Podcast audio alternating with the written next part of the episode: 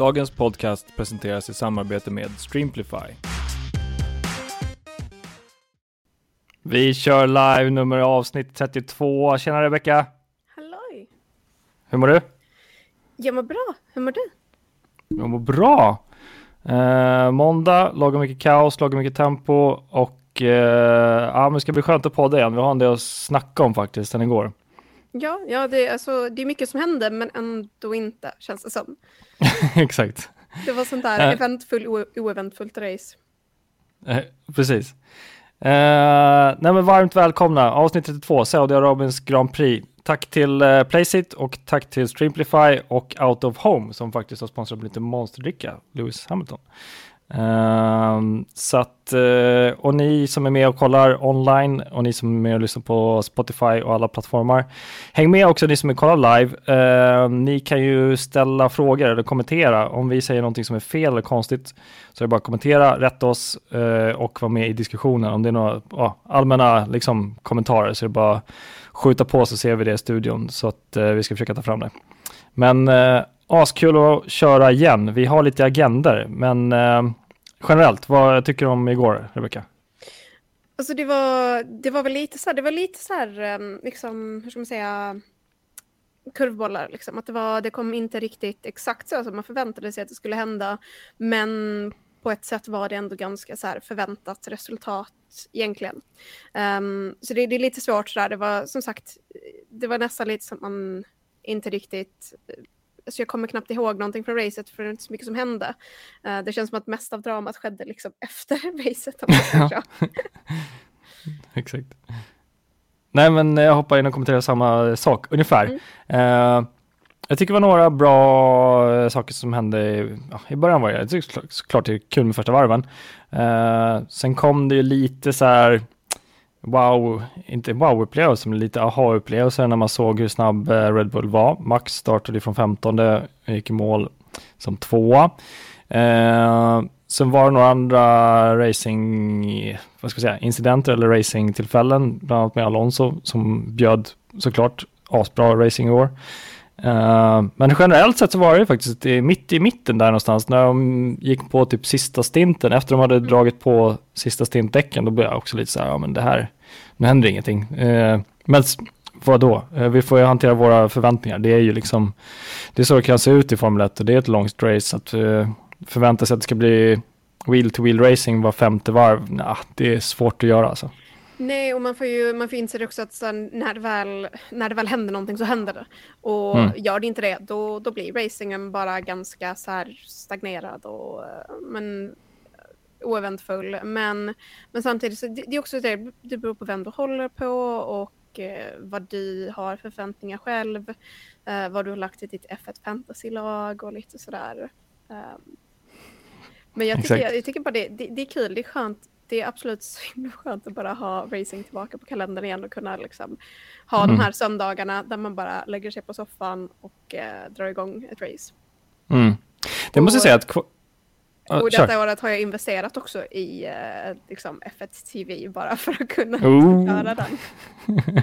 så att man aldrig behöver tänka så här, vad gör jag på söndag? Men jag vet exakt. Ja. Men jag måste lägga till i saken att jag tycker att kvalet var riktigt bra faktiskt. Um, det var lite aha-upplevelser igen och vi fick på något sätt en check. Alltså vi checkade av den där första racet för att jag kanske kommer in på det senare med era flaggor, men eh, första racet var ju, det är lite så här, ja det kan vara vad sjutton som helst och formen kan vara lite volatil och vi kan nästan inte döma alltså teamens form efter första racet. Men nu blir det lite, i kvalet såg man igen att det fanns verkligen hastighet i Aston Martin-bilarna. Uh, Stroll verkar inte få till den, men Alonso har ju verkligen rätt grepp om bilen. Så att, uh, jag tycker kvalet också faktiskt framhävande. Man måste framhäva det och tycka att det var bra, tycker jag. Ja, men alltså det tycker jag, för jag missade kvalet och sen så när man kollar på liksom kvalificeringen och bara ursäkta mig, men vad är mm. det här? vad har hänt? Exakt. och, det är liksom, och det var verkligen här också, jag menar, som, som Leclerc, liksom, man visste ju redan innan att han skulle få liksom grid penalty och eh, när han kom på andra plats så vet man att det blir en tolfte plats liksom.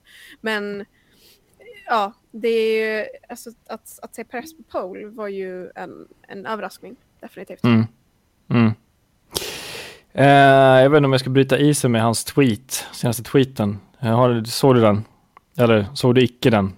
Uh, jag drar den lite nu innan våra flaggor. Uh, han tweetade ut att ja, men det här är ju hårt jobb och det har gått bra och jag är så glad för teamet och eh, jag vill verkligen bli champion i år. Det tweeten togs bort, så la han upp en likadan några minuter senare. Precis samma text förutom att jag vill bli champion, så det togs bort. Uh, så att det var Formula One God började spekulera i att nu, nu är det liksom något drama i Red Bull liksom. Jo men alltså det är ju ganska tydligt att Max är första föraren och att det är motivationen eh, för teamet. Uh, mm. Och när, när andra föraren liksom presterar ifrån med, med första föraren så blir det ju också ganska tydligt. Men jag tror att hade, hade Max startat på en annan position så kanske det hade sett annorlunda ut och han hade lett liksom, i princip hela racet så som Perez gjorde efter att han tog tillbaka platsen från Alonso. Um, men ja, vi, vi, vi kommer in på det lite mer med, med flaggorna, men det var ju som sagt det var lite intressant.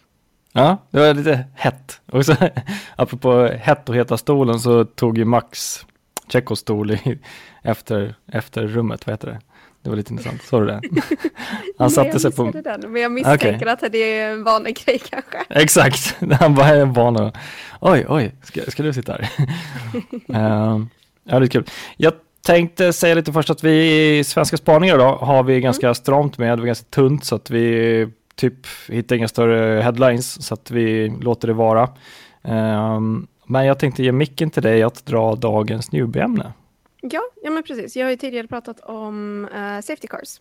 Uh, och egentligen den skillnaden mellan en vanlig safety car och virtual safety car. Liksom, men vad skiljer de åt och när gör man bedömningen på vilken som ska eh, uh, tas i bruk helt enkelt. Som till exempel igår så såg vi ju att när Stroll körde av banan så blev det ju en safety car.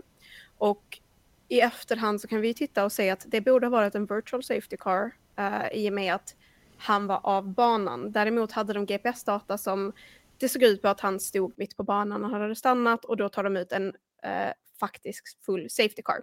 Så att skillnaden mellan virtual safety car och vanlig safety car eh, är, det är ju först och främst vilken som tas ut beror på exakt typen av olycka det är, hur mycket, eh, om det är delar på banan, om det står en bil på banan. Um, så lite så här när det, när det är större saker och det står en bil på banan eller det är större liksom, delar av bilar som går av som ligger på banan, då blir det ju en faktisk uh, safety car. Och det innebär en fysisk bil som åker ut och håller pace. Och när du har en faktisk safety car så kommer alla bilar att liksom ligga efter safety caren, det vill säga att du, du liksom, hur ska man säga, komprimerar fältet. Mm. Till skillnad från virtual safety car. Virtual safety car, då har du ingen fysisk bil som kommer ut utan du har en delta på eh, minus 30-40 procent av hastigheten som du tar.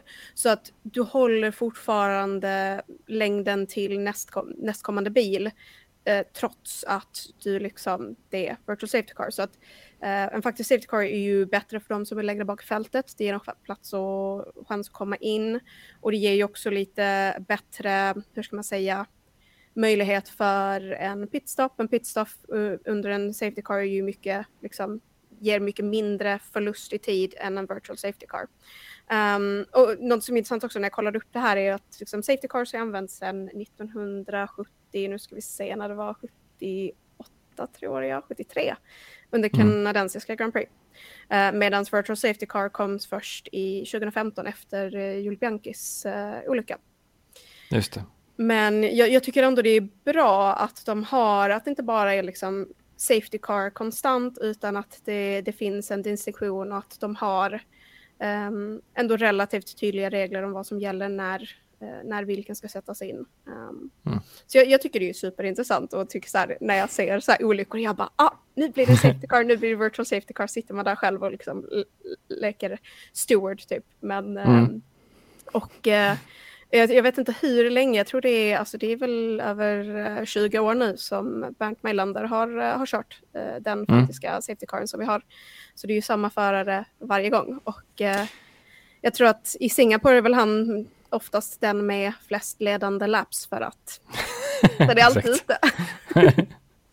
men nu kommer jag inte ihåg, men varför är det en Aston Martin i år som Safety Car? För det brukar alltid vara vinnande teamet som får applicera? Det har jag faktiskt inte koll på, men alltså min, min misstanke är väl kanske att man kan köpa sig till det. Jag har ingen aning. Det beror, det beror väl på också vilken som, alltså vilken som vinner.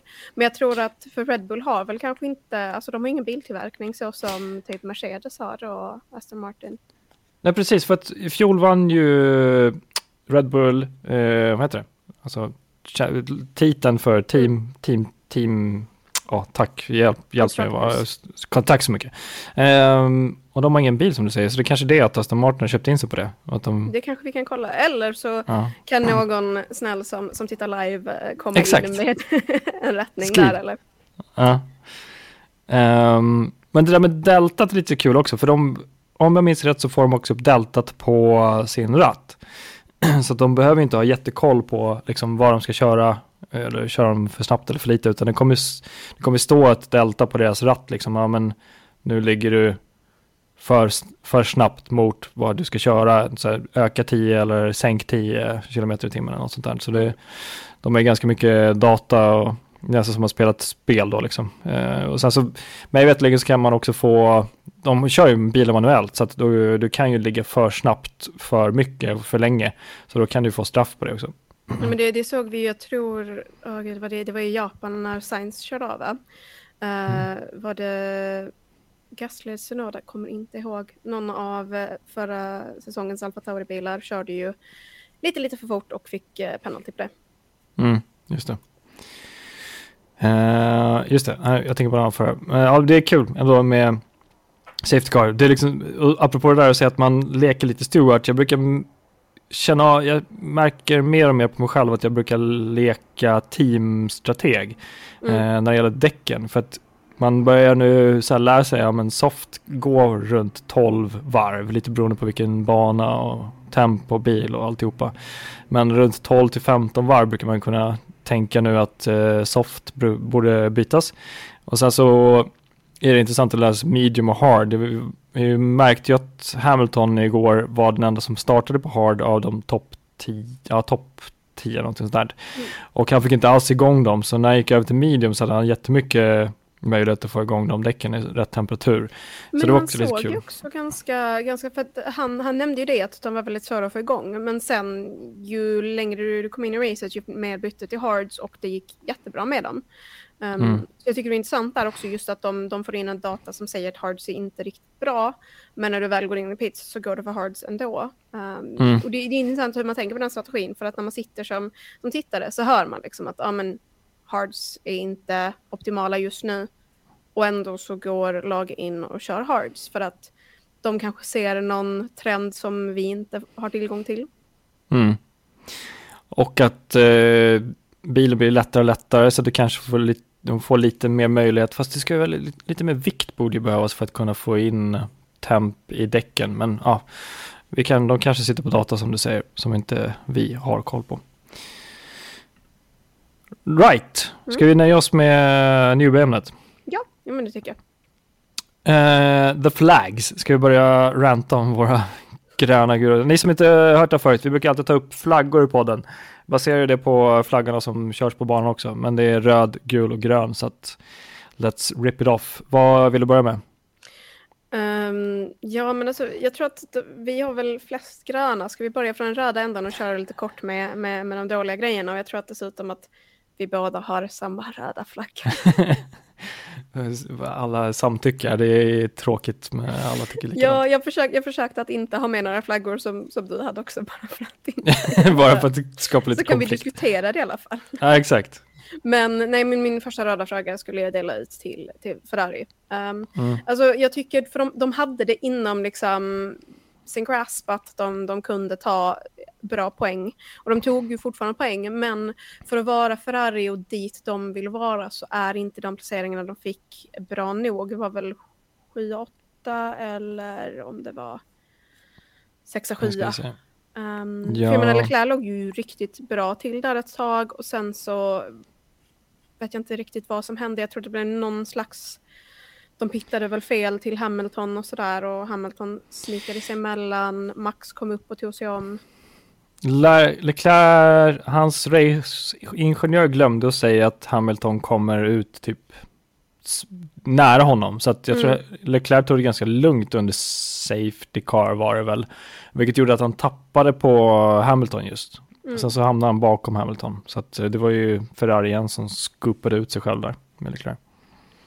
Ja, jag, jag, tycker det är synd för att jag menar efter förra säsongen så vill man ändå se Ferrari ligga där och prestera och vara var, liksom, var i toppen. Um, mm. Nu är det ju, nu verkar det ju som att det är uh, Alonso och uh, Red Bull typ. ja, precis. uh, nej men jag kommenterar på din flagga. Det, det, eller jag har ju också Ferrari så att jag kan väl flika in där lite. Det, det är precis som du säger, det är tråkigt och jag funderar mer och mer på om året i år för Ferrari kommer bli lite mer som det var 2021 när de låg bakom både Red Bull och eh, Mercedes. Mm. Eh, för helt sonika igår så hamnade de bakom två stycken Merca-bilar. Eh, Sainz på sjätte, Leclerc på sjunde som du sa. George på fjärde och uh, Hamilton på femte. Uh, vad ska man säga? De klåpar sig tyvärr igen. Eh, det var någon rolig post som jag såg om det där. Jag ska se om vi kan få fram den informationen. Men det var, det är lite tråkigt att se att de inte har, alltså de är ju ändå ny team, teamledarskap nu. Så då tänkte mm. man att ja, men nu skulle det kunna bli lite andra, andra, andra bullar. Eh, men det blir också, det blir samma, samma fokus igen för de stackarna. Eh, så att, ja, vi, vi får se hur det, hur det, hur det landar. Men det här är Ferrari fuck-ups 2023. Eh, bilen eh, gick sönder på första, första tävlingsvarvet på första säsongen, alltså mm. förra racet. Eh, de har behövt eh, byta två stycken motorer, eh, motorkomponenter, mm. på ett kval, på en alltså one qualifying session, på ett kvalsession. 41 varv efter första racet så pajade motorn helt. Leclerc har tvingats byta motor och fick eh, penalty eh, till det andra racet.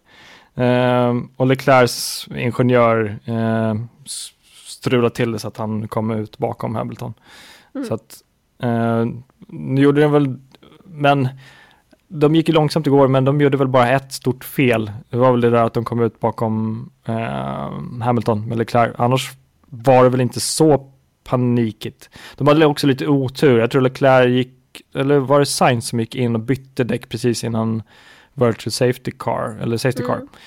Mm. Uh, så det gjorde också att de hade lite otur där. Det, det, kan man inte, det kan man inte blamea dem för, att de får otur, men. Nej, nej det, det, alltså jag tycker bara det, det är synd. Det är liksom, mm. det, de, det känns som att de borde ha pace och uh, maskineri för att kunna prestera bättre och gå snabbare. Och de gör inte det. Nej, kikar man lite kort på poängen så har Leclerc 6 poäng, Carlos Sainz har 20 poäng och Hamilton själv har 20 poäng i totalt eh, hittills efter två race. Så att med tanke på hur man ändå tänkt att Ferrari ska vara på högt upp, man kanske håsat dem lite och velat att de ska kunna komma upp i fighten, så har Hamilton själv tagit lika mycket som Sainz i poäng och det talar väl för att man ja, eh, Merca själv talar ner sig själv och de är inte snabba, men ändå så lyckas de på något sätt eh, klämma åt poäng till, eh, till Hamilton. Så att, ja. Sen George har ju ännu mer poäng. Eh. Så att det, ja, det, blir, det ser mörkt ut för Ferrari, stackarna. Ja, alltså de ligger ju på 26 poäng nu i, eh, i mästerskapet. Just det. Eh, så vi får väl se helt enkelt. Det är ju lite, alltså det är ganska långt mellan dem och eh, alpin just nu. Mm. Men som sagt, det är det. Det är två race in. Vi kan inte bedöma hur säsongen kommer att se ut, men man kan ju se trender och det känns som att Ferrari fortsätter förra säsongens trender in i denna säsongen. Stackarna. Nej, jag lider med Leclerc och Ferrari. Jag kommer heja lite extra på dem i år. Ja, um, ja men definitivt. Ska vi dra nästa? Ja, du har lite fler än vad jag har. ja, men jag kan köra den. Uh, mm. Jag tror jag gjorde det förra gången, förra podden också, men eh, jag ger en till röd till McLaren för att de inte har eh, sitt H i schack, eller vad säger man, schack, schack på sina grejer. Eh, tråkigt att se, Norris är jäkligt bra, men eh, hans teamkamrat börjar faktiskt liksom leverera nu och det, ja, det är lite intressant att både George och eh, eh, teamkamraten till Norris, nu glömmer jag bara hans namn. Um, tack så mycket. Uh, att de faktiskt levererar som lite newbies bättre än old, old drivers. Um, så det är intressant att se och det är tråkigt att McLaren med så mycket, så mycket fokus, så mycket sponsorer, så mycket commitment uh, med också sin nya vindtunnel. Men det kommer vi se. Uh, jag tror vi snackade om det förra gången också, att de håller på att bygga en ny vindtunnel och att man nu till och med hör den från deras, um, vad ska vi säga, deras compound, vad heter det? Kontor eller mm. ja, deras byggnad. För de hade ju tidigare sin vindtunnel på andra sidan Engelska kanalen, så de var ju tvungna att liksom frakta över delar till den tunneln för att testa dem och det tog ju typ ja, en, två dagar att frakta över dem om de inte körde dyr il, ilfart med frakten så att det kommer att hjälpa dem också. Ja, och jag menar eh, McLaren hamnade ju på gul för mig. Um, och det finns en enkel anledning till det och det är för att um, de lät Piastri slåss mot Norris och man såg att han hade farten där. Och det är lite, lite tråkigt för jag som så här ändå tycker om Norris och ett Norris-fan, jag vill ju se att han levererar och att, att McLaren inte har fått poäng på två race är lite av en besvikelse. Framförallt detta mm. racet när de ändå har två bilar som faktiskt fungerar och kan gå i mål att de fortfarande inte kan vara eh, liksom att de inte kan tävla. Jag menar när, när Haas har mer poäng än McLaren så vet man att det kommer bli en konstig säsong. Vi kan dra Constructors standings nerifrån. Jag är ledsen att breaka det men det börjar med McLaren ja. längst ner. Uh, drivs av en Merca-motor. Uh, mm. Plats nummer nio är Alfa Tauri med noll poäng också, så jag vet inte hur de rankade det efter placeringar. Uh, Sen har vi Williams, sen har vi Haas på sjunde plats. Mm. Sen kommer Alfa Romeo, sen kommer Alpin, sen Ferrari, sen Merca, sen eh, Aston Martin och sen Red Bull. Mm. Och då har det... vi ändå tre, tre liksom samma poäng, så att säga. Det är sex lag som delar samma antal poäng. Med ett annat uh, Är det det? Jag får fram till Aston 0-0. Martin och Mercedes har 38 vardera. Uh, ah, just det, du kollar... har ett vardera. Och ah. Alfa Tauri och McLaren har noll vardera. Just det, du kollar på förpoängen. Jag kikar mm. på Constructors-poängen. Nej, så Constructors, uh. alltså för Constructors så, så har uh, Alfa Tauri och McLaren har ju noll. Så de ligger ju ja. på samma poäng. Uh, Haas och Williams ligger på ett vardera. Just det, exakt, precis. Så det är, liksom, det är samma, samma antal poäng, men jag tror att det är bättre placeringar som du säger där, som gör att de mm. liksom hamnar lite över. Um, mm. Men det är kul att se, för det är väldigt jämnt mellan många lag just nu. Så att det ska bli kul att se hur det utvecklas över säsongen. Det blir lite kul att följa bottenfighten eftersom det finns ett team i bottenfighten, McLaren, som inte brukar, borde vara där. Och Haas Nej. brukar ju vara längre ner, de brukar ju vara på 8, 9, 10 liksom. Ja. Uh, så det är rätt kul. All right. Ska vi ta en till från kanske mig? Mm -hmm. Ska vi, det är väl ingen big deal, men den är faktiskt kul. Det är mm. FIA. Eh, denna stora puck, det här kan vi diskutera ett tag. Uh, ska vi försöka sammanfatta det? Jag, ska, jag försöker sammanfatta det vad som hände igår då. Eh, Alonso slutar på tredje plats. Eh, och, eller så här, under racet så, eh, när racet startar, vi börjar där då, så placerar sig Alonso i startrutan eh, långt till vänster eh, så att hans, två av de, hans däck var utanför, vilket är emot reglerna. Eh, det har också skett tidigare i historien att man har placerat sig där utanför, eh, utanför, utanför startrutan. Det har ju dock inte berörts av FIA, mig veterligen, eh, för att man har ansett att det i vissa fall inte har varit en racing advantage. Så att man har struntat i det och eh, i synnerhet så som det såg ut igår så trodde jag att Alonso eh, skulle få klara det, för att han stod åt fel håll så att säga. Han stod mm. racelinjen, alltså eh, Checo startade ju i P1 så att han hade ju en racelinje och Alonso stod utifrån racelinjen, alltså ut mot bankanten, yttre kant. Hade han stått in mot inre kant så hade det varit en mer racing advantage. Fast han hade insida av första kurvan. Precis, han hade insidan första kurvan. Han fick insidan första kurvan för att han fick en bättre start än Checo. Eh, så att han kom upp dit. Men eh, det var inte hastigheten, alltså det var inte längden fram som var felplacerat utan det var i sida som. Eh, I alla fall, där, det gjorde han och han fick en 5 sekunders bestraffning under racet som han var tvungen att ta i och med att det påstopp. Eh, och det gjordes och när de gör depåstoppet så får man inte röra bilen på första fem sekunderna. Men tydligen, så det här framkommer nu efter racet, så har eh, Lollipop-mannen som lyfter upp eh, i bak tydligen nuddat bilen. Det här har också skett tidigare, att till exempel främre Lollipop-mannen också nästan medvetet använder en touch vid, eh, vid tidsstraffstillägg för att kunna styra in bilen lite så att den kommer rätt. Mm. Eh, tidigare har FIA aldrig brytt sig om den här touchen, men i man fick så här, efter racet så, så kom, nu vet jag inte vilka det var. Jo, det var, faktiskt, det finns ju Race Director, FIA har ju två stycken olika eh, vad ska säga, teams. Ett som är lokalt team mm. som sitter på plats och ett som är, som är distribuerat som sitter någonstans annanstans. De som var distribuerade teamet granskade det här efter racet eller på, på racets slut, slutdel och kom fram till att den här Lollipop-mannen touchar bilen och han bryter, eh, det vill säga regeln att man inte får röra bilen. I det fallet så var det that's it och man tog ifrån Alonso, Alonso var ju på podiet och fick, eh, fick, fick bucklan, tredjeplatsen. Efter han gick ner så eh, gav man över den. Man tog den från hans hand och gav den till George Russell så att han fick komma tre. Eh, sen tog det ett tag och det var ganska lång tid på kvällen. Jag hann till och med somna.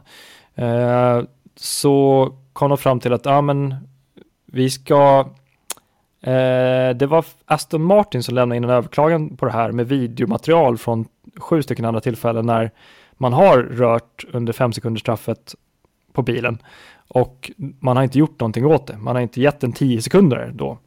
Um, men på det sättet så fick då um, Alonso tillbaka sin tredje plats för att Aston Martin kunde visa på material att man tidigare aldrig, det blir ett prejudikat kan man ju brukar kalla uh, mm. det här. Och det här, eh, det här var en diskussion som jag, hade i gruppen om eh, induktiv och deduktiv lag, eh, lagbefästning det blir lite fancy words, men har man pluggat juridik så har man lite koll på det, och kanske man har koll på det annars också.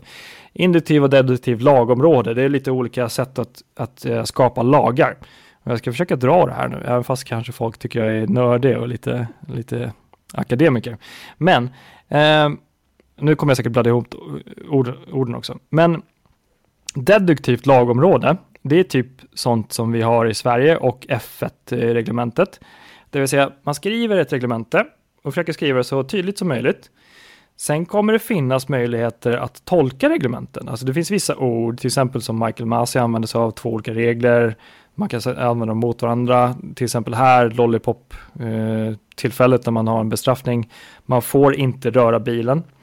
Eh, här har ju då Aston Martin hittat ett kryputrymme, att det har blivit så att säga en en praxis på att man kan, faktiskt kan röra bilen. Och det blir ju på något sätt en, en praxis. De här praxisarna som faktiskt byggs upp i Formel 1, de kan faktiskt användas som så att säga prejudikat. Prejudikat betyder att det är någonting, någonting som man har utgått efter som sker och där, därifrån skapade man eh, ett, ett eh, prejudicerande fall. Alltså, okej, okay, det här har skett, nu kommer vi titta på det, Eh, det här är något nytt som inte har skett förut och därför kan vi skapa ett prejudicerade fall.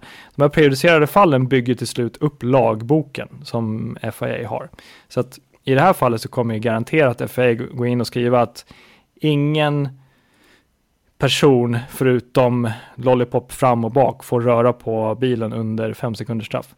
Mm. Det kallas, eh, sen så finns det en, ett lagområde som är deduktivt. Jag tror England och USA använder de här eh, processerna för att skapa lag. Det vill säga man skriver tons of tons, alltså jättemycket lagar för att täcka upp exakt alla, alla, alla situationer. Mm. Om det inte är skrivet i lagen där att det, att det är skett eller inte skett, då, eh, då fri, fri tas man från straffet. Um, så att och, de, det är ganska, och det skrivs lagar på lagar på lagar. Det är otroligt. Det, det vill säga det finns inga tolkningsmöjligheter längre i lagarna. Och därför har man i, i, i Formel 1 en, en regelbok som är tolkningsbar för att mm. man ska kunna få det sport, eh, sport det sportsliga i det. För att Formel 1 är ju inte bara sport på banan, utan det, det är en sport i att tolka lagboken också för att få fördelar för varje team. Um, och det var väl typ det som skedde. Uh, end of rant, har du kommentarer på utläggningen? Nej, men alltså, jag, jag, tycker, jag tycker bara det är så intressant just det här att uh, först och främst bedömningen kom, kom väldigt, väldigt sent för det var ändå någonting som hände ganska relativt tidigt i racet um, och att de inte då kunde liksom göra en bedömning snabbt. Um, det, det är bara supertråkigt och jag tycker liksom att har du inte gjort det till slutet av racet så känns det dumt att det ska komma in så pass sent. Um, och sen också just det här att det sen går till ett håll och sen ändras så att det blir så här bananas fram och tillbaka. Det, mm. det, alltså, det är på så sätt det är bra. Sådana här saker sätter ju som du säger, det sätter praxis så att vi vet vad som gäller framöver. Och de kommer ju som sagt då även också lägga in i regelboken för nästkommande år liknande så att så att man liksom så att säga bygger upp det baserat på erfarenhet. Um, och jag tycker, jag, jag, tycker det var kul för jag satt um, på tunnelbanan tidigare idag så satt jag och kollade på Instagram så såg jag en post från, från George Russell. Och han bara, ah vi vann, vi fick tredje plats, liksom så här kul.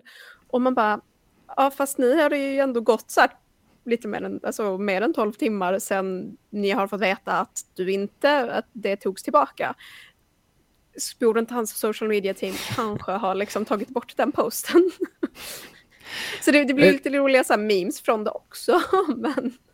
Ja, men jag tror, eh, var det Merca som gick ut med det? De hade liksom, de eh, hade en bild på George Russell med bucklan i handen och sen så hade de bara postat en fyra över bucklan och så bara this picture can still be used. så att, eh, Ja, nej, men så det, det, det, är lite, det, och det är lite FIA, det är, det är shenanigans fram och tillbaka. Och det, mm. det är det vi får, får lära oss. Men det är ju bra som sagt, och jag tror att det är ju därför de har börjat med, med racinglinjer så mycket, liksom, att de försöker sätta praxis för liksom, hur det ska följas, så att det kanske inte har följts helt tidigare för det inte har varit så tydligt i reglerna. Och nu har man börjat liksom, ja men nu, nu, kör, mm. nu, nu kör ju den svarta och vita flaggan hett under race. Ja, det är bra. Um, så, att, så det, och det, det är skönt att se att det som blir mer och mer enhetligt ändå. Så att det blir att det inte blir några tvetydigheter som vid avgörandet av eh, mm. för förra säsongen. Ja, precis. Uh, jag ska göra ett tillägg på det, det jag rantade om och som gammal ekonomhistoriker måste jag faktiskt påverka det, påpeka det. Jo, att eh, tekniken och juridiken är alltid, eh, de är alltid två kompisar som har en relation med varandra. Eh, det, det skedde eh, ända sedan vi hade, fick eh, väderkvarnar, för att det fanns inte riktigt lagstöd och eh, ja, jag ska inte ränta för mycket om det här. Men så fort ett team eh, i Formel 1 eller någon, till exempel Fancar eller någonting, kommer på en lösning som inte står i regelboken, mm. så kommer regelboken eftersläpa det och följa efter och täcka upp det. Det får inte vara så i ett reglemente, sportreglemente, att man har en regelbok som täcker totalt allt. För då finns det ingen möjlighet att ha Formel 1 själ levande, för då kan inte eh, teamen tolka regelboken längre och göra innovativa lösningar på, på tekniken. Och det är det man vill. Man vill alltid att regelboken ska eftersläpas och det är därför vi får sådana situationer som vi fick igår. Att vi kommer alltid få regelboken som bara oj, oj, oj, nu teamen går dit så täcker det och så täcker vi det och så täcker vi det. Så att det kommer alltid vara en katt och råtta-lek med regelboken och eh, teamens utveckling. Eh, och, det, och det har ju lite det sker ju på olika sätt. Det sker ju inte bara genom att eh, teamen hittar på någon ny fancar eller någon ny uppfinning eller till exempel eh, Mercedes eh, DAS steringssystem. Eh, det sker ju också genom politik. För att det kan ju faktiskt vara så, så att eh, teamchefer eller förare eh, bara, nej vi ska, vi ska ändra det här, det är inget bra för oss, för sporten. Så det är en politisk kraft som också kan ändra regelboken och det är också en del av hela Formel 1 som, som jag tycker är kul. Och jag menar, gillar man det inte så kan man kolla på Indycar eller Nascar eller någonting, för det är också väldigt bra sport. Eh, Jonas Fors blir glad nu. By the way, tråkigt att du inte är med oss Jonas, eh, du är i Tyskland och hittar på någon business. Eh, så det är också väldigt, väldigt kul med den eh, typen av politik som sker, tycker jag. För att det är en del av alltihopa. det är många fans som inte gillar det. Det, det förstår jag, full, full, respekt. Men så är sporten och det har alltid varit en politisk eh, kraft ibland att ändra regelverken till vissas fördel. Och det tittar man bara på eh, Rush-filmen med Hunt och Lauda så var det ju liksom uppenbart att eh, ibland så är det bra att ha, vara politiskt populär inom Formel 1 för att då kan du få faktiskt andra förare och andra teamchefer med dig i vissa beslut. Och då lyssnar ju FIA i vissa fall så de kan ju faktiskt ändra ja, genom att driva politik. Mm. Eh, där finns det exempel på att vissa har varit duktiga på det och vissa har varit mindre duktiga. Till exempel så tror jag också att eh, ride height som höjdes till år, jag tror det var 1,5 cm eller någonting. Det skedde ju också dels för att Toto Wolf lobbade för det. Um, och det skapade problematik dels för McLaren då, så att de har ju haft jättemycket problem med det. Um, så att ja, det, ja, det är det FIA. Det är därför de bara får en gul, för att jag tycker det var rätt okej okay agerat av dem, samtidigt som det är jobbigt att följa med, att liksom, ja, det tar lång tid och det kan faktiskt ändra besluten efter racet och race-resultaten, kan vi lita på dem? Ja, till viss mån. Alltså det, vi kan inte lita på vetenskapen heller, det är bara verkligt tills någonting är motbevisat. Så det är också, man får bara acceptera det, att det, men det, det resultatet står tills, tills, ja, till slutet av året liksom. Men det, en sista sak. Det kan, det kan ju faktiskt delas ut mästerskapstitlar efteråt. Det har ju skett en gång med Jochen mm. Rindt har delats ut postumt. Uh, han, han dog då och den personen som, som körde sista, eller de två sista racen, han fick inte ihop tillräckligt mycket med poäng för att kunna slå Jochen Rindt, så han delade, delades ut till honom när han hade avlidit. Så att, uh, ja, så kan mm. det vara i Formel 1. Ja, och jag menar, vi, vi såg ju det med vinsten för Max i Japan förra året. Just det här att de trodde att det skulle tilldelas halva poäng och därför att han inte hade vunnit mästerskapet. Men de sa det att ja, men om du kollar reglerna så är det det här och det här som gäller. Och jag, jag vill hoppas att det kanske är lite förtydligat för i år också. Men just det här med när det är liksom, dåliga väderlekar, att eh, racet blir begränsat och så mm. finns det ju som sagt då att man delar ut mindre antal poäng. Men ja, vi, vi får väl se vad som händer i säsongen också och vad, vad det finns mer för bedömningar att göra. Uh, för det kommer, mm. alltid, kommer alltid vara sådana här vattendelare. Liksom. Det kommer ju alltid vara folk som tycker att nej, det var rätt, nej, det var fel. Exakt. Så kommer det alltid finnas. Jag tror aldrig vi kommer komma till nivån av uh, eh, 2021 säsongs avslut, men där tror jag att vi, vi jag, jag, hoppas att vi har nått toppen där och att nu så uh. blir det lite, lite lugnare framöver i alla fall. För att det, det var ju kaotiskt så att... Um... Ja, men det känns som du sa tidigare att FA är mycket hårdare på reglerna. Det känns som att varje år som vi startar en ny säsong kommer vi behöva anpassa oss lite efter hur FA jobbar. Eh, mm. Tyvärr kan man säga, för att sporten får ju lite olika karaktärer varje år. Eh, och vissa år har det varit väldigt löst. Jag tror, nu kommer jag inte ihåg, Charlie Whiting när han satt så kan det vara, vissa år var jättelöst. Uh, och nu, mig veterligen så har man också olika domare på olika race. Jag tror det är en domargrupp eller domarpar som följer med och har, jag tror de delar upp typ grupperna på tre till fyra olika race. Jag såg det där i början på året. Så att det, det kan vara lite volatilt men ja, det är väl en del av det. Det är att skrika på domarbesluten också. Det är inte fotboll men okej. Okay. Oh, Okej, okay. ja. är, vi, är vi klara med det ämnet nu? Är vi, är vi jag känner mig klar. är du nöjd så släpper ja. vi det. Ska vi gå in på lite, lite gröna? Kör.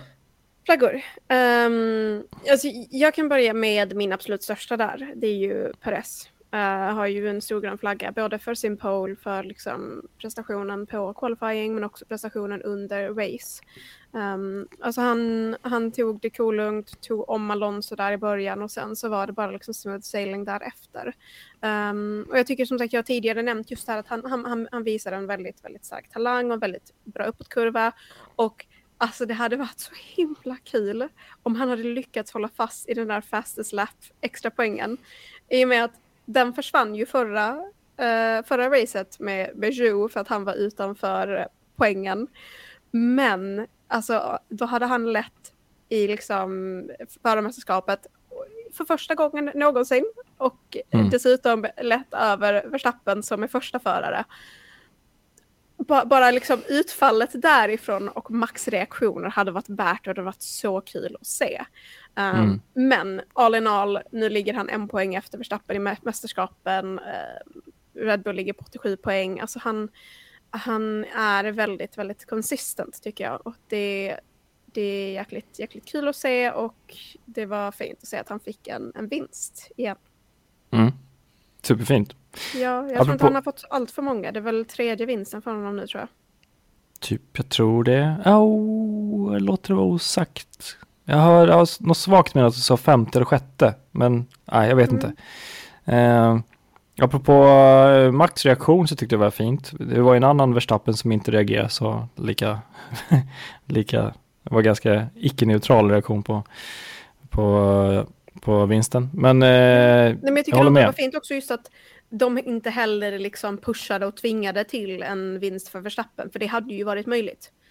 Mm. Om, man, om man hade kollat till, ehm, till liksom, alltså nu, nu hade jag tror att Verstappen hade lite, lite problem och inte riktigt fick upp farten fullt. Men de hade ju kunnat bara, okej, okay, nu ska vi ha in Verstappen bara för att få in hans ledning ännu mer.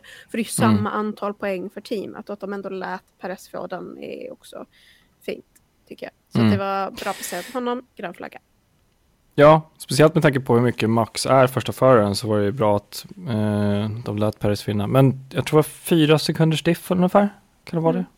Så det var ju också lite obvious om de hade släppt, släppt fram Max med fyra sekunders där. Det var lite Ja, men lite samtidigt, här, okay. det, det, är ju det, det, båda deras förare, de får göra exakt som de vill egentligen. Så att det är, ja. Mm. Ja, att de får göra exakt som de vill kan vi prata om kanske. Det kanske inte exakt som de vill, men jag menar de, de hade, de, alltså om de hade släppt fram Verstappen med sin andra, för det, det, finns ju fall där, där det har hänt tidigare, de har gett, eh, trots att bakomvarande bil har sämre pace så har mm. de fått ta om. Um, mm. Så att det hade inte varit liksom den största skrällen i världen, men jag tror inte Nej. att folk hade sett eh, liksom, vänligt på, på Verstappen efter det. Nej, precis. Det hade varit ganska bad marketing.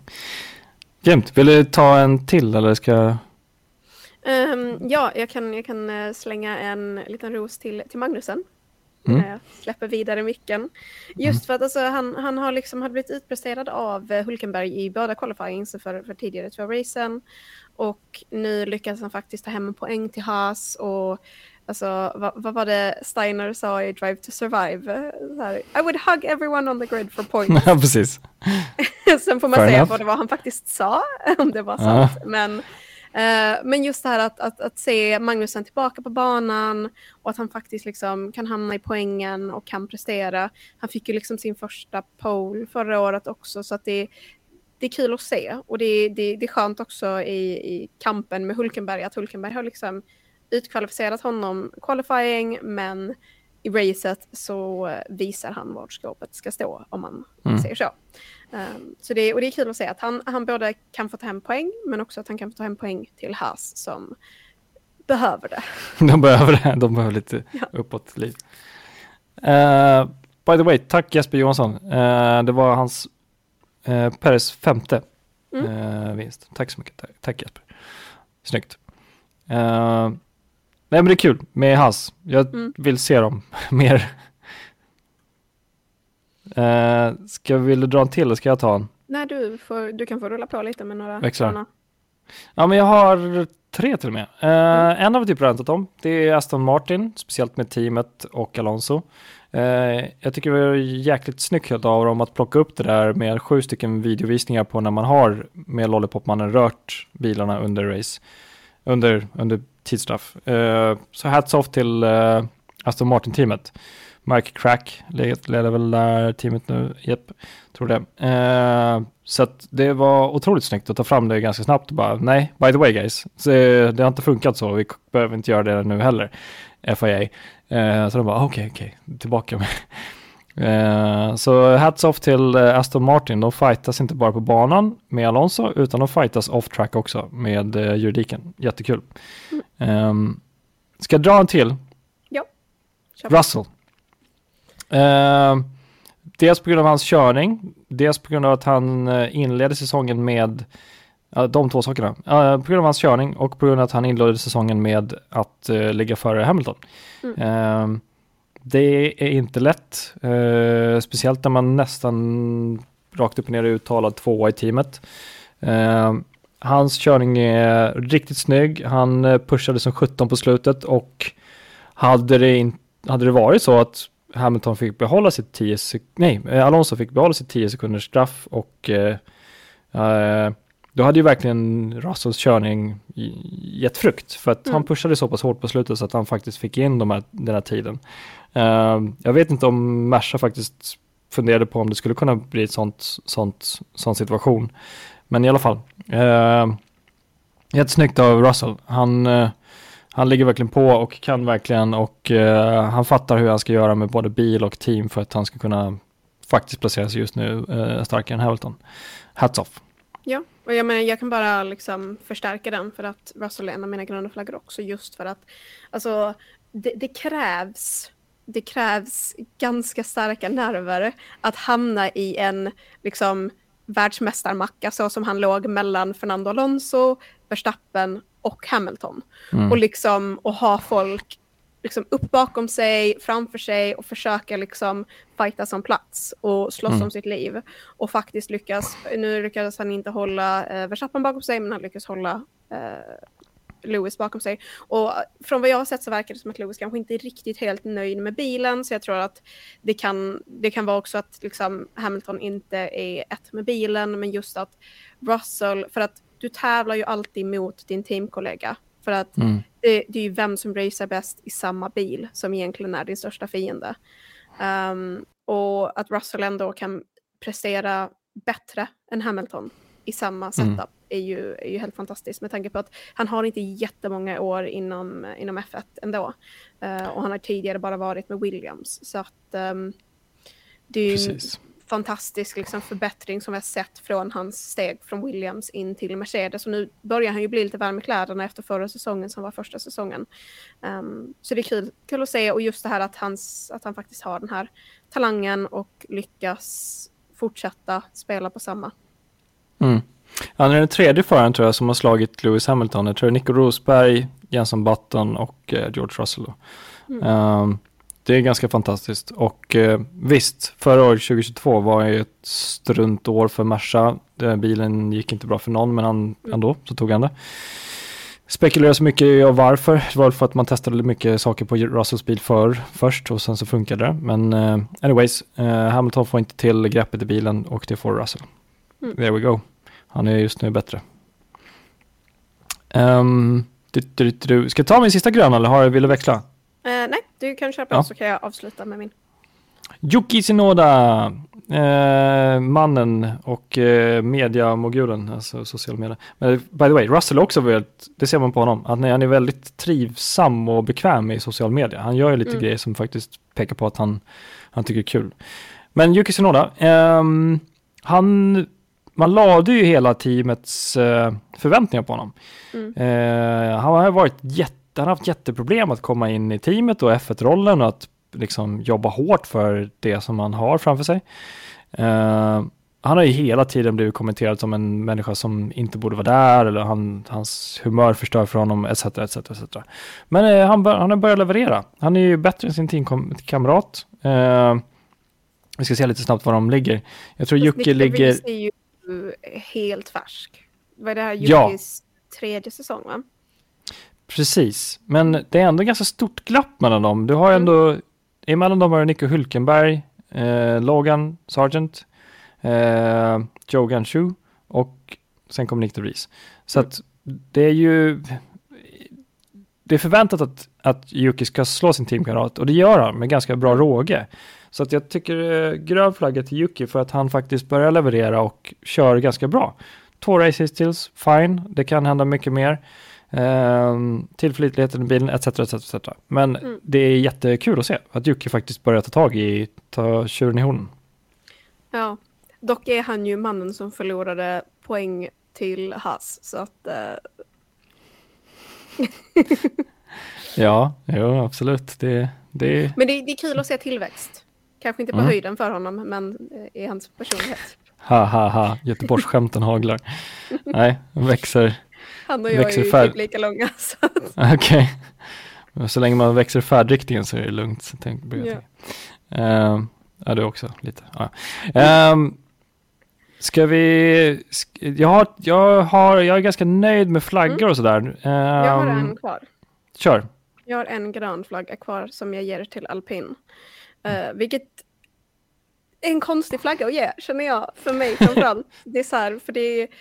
Alltså, Gasly och Ocon är inte riktigt några förare som är bland mina toppfavoriter. Ocon är ju verkligen en som jag inte tycker om personlighetsmässigt. Mm. Men mm. jag tycker det är fint att se att de, de kommer in på poängen och att de får liksom lyckas prestera med båda förarna. För jag menar, Ocon hade ju förra um, förra racet hade en lite, lite otur med liksom, du vet, felplacering på startgriden, penalty och får exakt samma som Alonso, bara att de faktiskt gjorde fel och fick fler och fler. Jag, jag, vet inte hur många seconds penalty han fick under det racet, men det blev verkligen så här. Det var kaka på kaka på kaka på kaka. Och nu kunde liksom Ocon kunna få poäng. eh, Gasly fick poäng både förra racet och det här racet. Så att um, de är ju ett sånt här midfield-lag och jag tror att det, det, visar på en ganska bra trend för dem eh, för säsongen. Så att om de fortsätter så här så kommer de kunna ehm, tävla. Nu var det i och för sig mest Aston Martin som de tävlade mot, ehm, vilket eh, ser ut att dra iväg lite. Men eh, men det ska bli, bli kul att se hur, till exempel med McLaren, när de faktiskt kan börja prestera, hur, hur det ligger till liksom, och hur utvecklingen ser ut. Så att det, var, det var ett jättefint jobb av dem tycker jag. Fully agree. Yeah, no, inget att tillägga. Nej, men det är kul. Det är kul mm. att se. Um, all right. What next? Australien? Ja, det är om det är det nästa Två veckor. veckor. Inte denna, utan två. Alltså det är så här, man, man, man borde lära sig att dubbelkolla schemat eh, varje gång innan. Ja, Nej, men det ska bli kul med Australien. Jag tycker det är lite, det har alltid varit en det racet som startar säsongen förut. Eh, så det, nu känns det lite som ordentlig start, för nu har vi testat i två race. Kan man mm. säga så? Eh, och nu ska vi se Australien. Det, man känner igen banan på ett helt annat sätt. Det ska bli kul att följa all, allihopa och Australien har man lite hum om hur det kan gå med däckslitage och safety car-bilar och sånt där. Liksom. Um, de andra banorna är ganska nya. Ja, så men det var väl eh, lite uppehåll i Australien där över uh, covid vill jag minnas. Men ja. annars så... Uh, det, alltså det, det, är, det är bara en enkel bana egentligen. Ja, den är fin. Ligger ja, jättefint. Ja, men alltså Jedda är verkligen så här, så här ja. avlång. Ja. men, men här har du verkligen så här en faktisk track med lite kurvor mm. och saker som händer. Så det ska bli, det ska bli jättekul att se vad, vad de kan prestera där. Det är en av de bilen, bilbanor man kör när man kör F1-race. Ja, och sen har vi race-tid klockan tre, vilket känns ganska lagom också. Det är schysst. Mm. Bra där, F1. All right. Jag vet, inte, jag vet inte vad det innebär för dem i Australien, vilken tid det blir för dem. Det kanske inte blir helt optimalt. Ja, men vadå? Tre på eftermiddagen? Här? Nej, vänta. Times, nej, det är track times. Det är 15.00 för dem. Just det. Uh, ja, precis. Vi får kolla upp det där sen. Mm. Uh, all right. Är vi nöjda? Ja, jag dubbelkollade. Klockan sju på morgonen blir det för oss. Ah, okej. Okay. Jag tar tillbaka Vadå? det. Det blir gött. Croissant och kaffe, sen är det bara att köra. Oh, tidig morgon, ja. Japp, japp. Okej. Ska vi ja, tacka för ikväll? Ja, ja, men det har varit uh, superkul och som sagt det, så, för det, det, är tråkigt när inte Jonas är här men det är ändå kul att bara kunna sitta och chatta sig fram och tillbaka bara. Eller hur? Jonas, kom med nästa gång. Annars, annars, uh, ja, nej, pip. Uh, All right. Tack så mycket ni som har kollat live. Eh, tack till alla som hänger i gruppen, alla patrons. Eh, speciellt tack till outofhome.se och till eh, Playsit och Streamplify och eh, Rebecka. Ja. tack så mycket för ikväll. Vi syns och hörs. Ha det gött. Ha det fint. Hej.